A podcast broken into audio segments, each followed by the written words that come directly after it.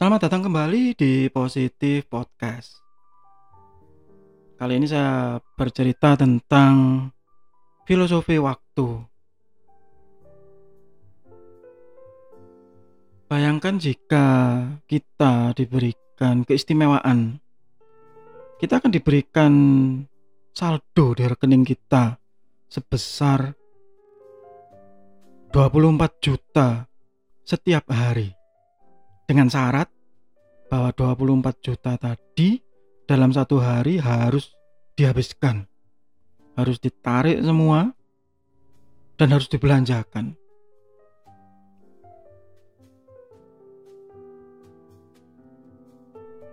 Maka akan ada beberapa dari kita yang kemudian ya karena merasa tiap hari pasti dikasih dengan uang segitu banyak begitu ya maka dia akan mengambil dan dia membelanjakan.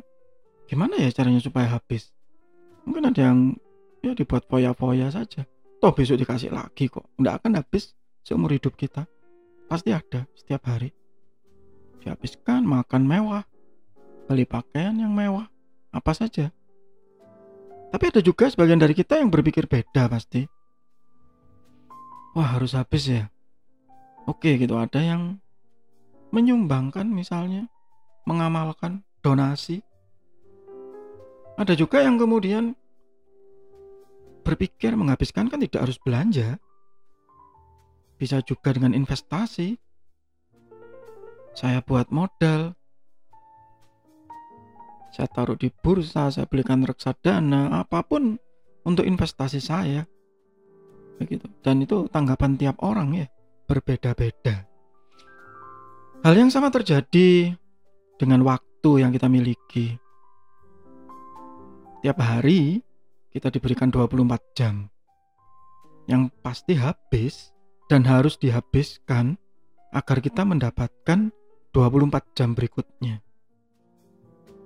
Dari 24 jam yang kita miliki setiap hari, tanggapan orang juga akan beda-beda. Ada yang menghabiskan dengan sia-sia begitu, tidur-tiduran, setia menjadi kaum rebahan nah begitu. Ada yang berdonasi mendonasikan waktunya untuk berbuat hal-hal yang baik beribadah. Sebagian bersenang-senang sebagian beribadah dibagi. Ada juga yang berinvestasi dengan waktunya. Belajar mempelajari hal baru supaya bisa bermanfaat di kemudian hari. Supaya waktu yang dihabiskan untuk belajar tadi bisa mempersingkat pekerjaan di kemudian hari. Jika seseorang berlatih untuk mengerjakan sesuatu dengan waktu yang cukup lama, maka setelah selesai dia melakukan proses latihan tadi, ya berikutnya dia bisa mengerjakan pekerjaan tadi dengan sangat cepat.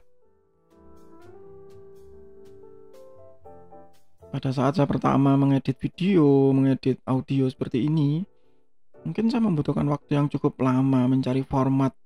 Anda bisa mendengarkan podcast saya yang episode 1, kedua yang kualitasnya menurut saya sendiri juga cukup jelek begitu. Dengan berlatih, akhirnya menurut saya lebih baik kualitasnya. Tetapi saya menghabiskan waktu untuk itu, untuk belajar tadi. Untuk berinvestasi bahwa di berikutnya, pada saya membuat episode-episode berikutnya, maka saya hanya memakan waktu yang cukup singkat. Sehingga bisa lebih banyak yang dihasilkan. Termasuk waktu saya membuat materi juga untuk mendapatkan format yang tepat, maka saya harus berlatih dan banyak mencari, banyak membaca, banyak mempraktekkan. Sampai pada akhirnya saya bisa membuat rekaman materi perkuliahan yang baik dan cepat prosesnya, sehingga tidak merasa terbebani.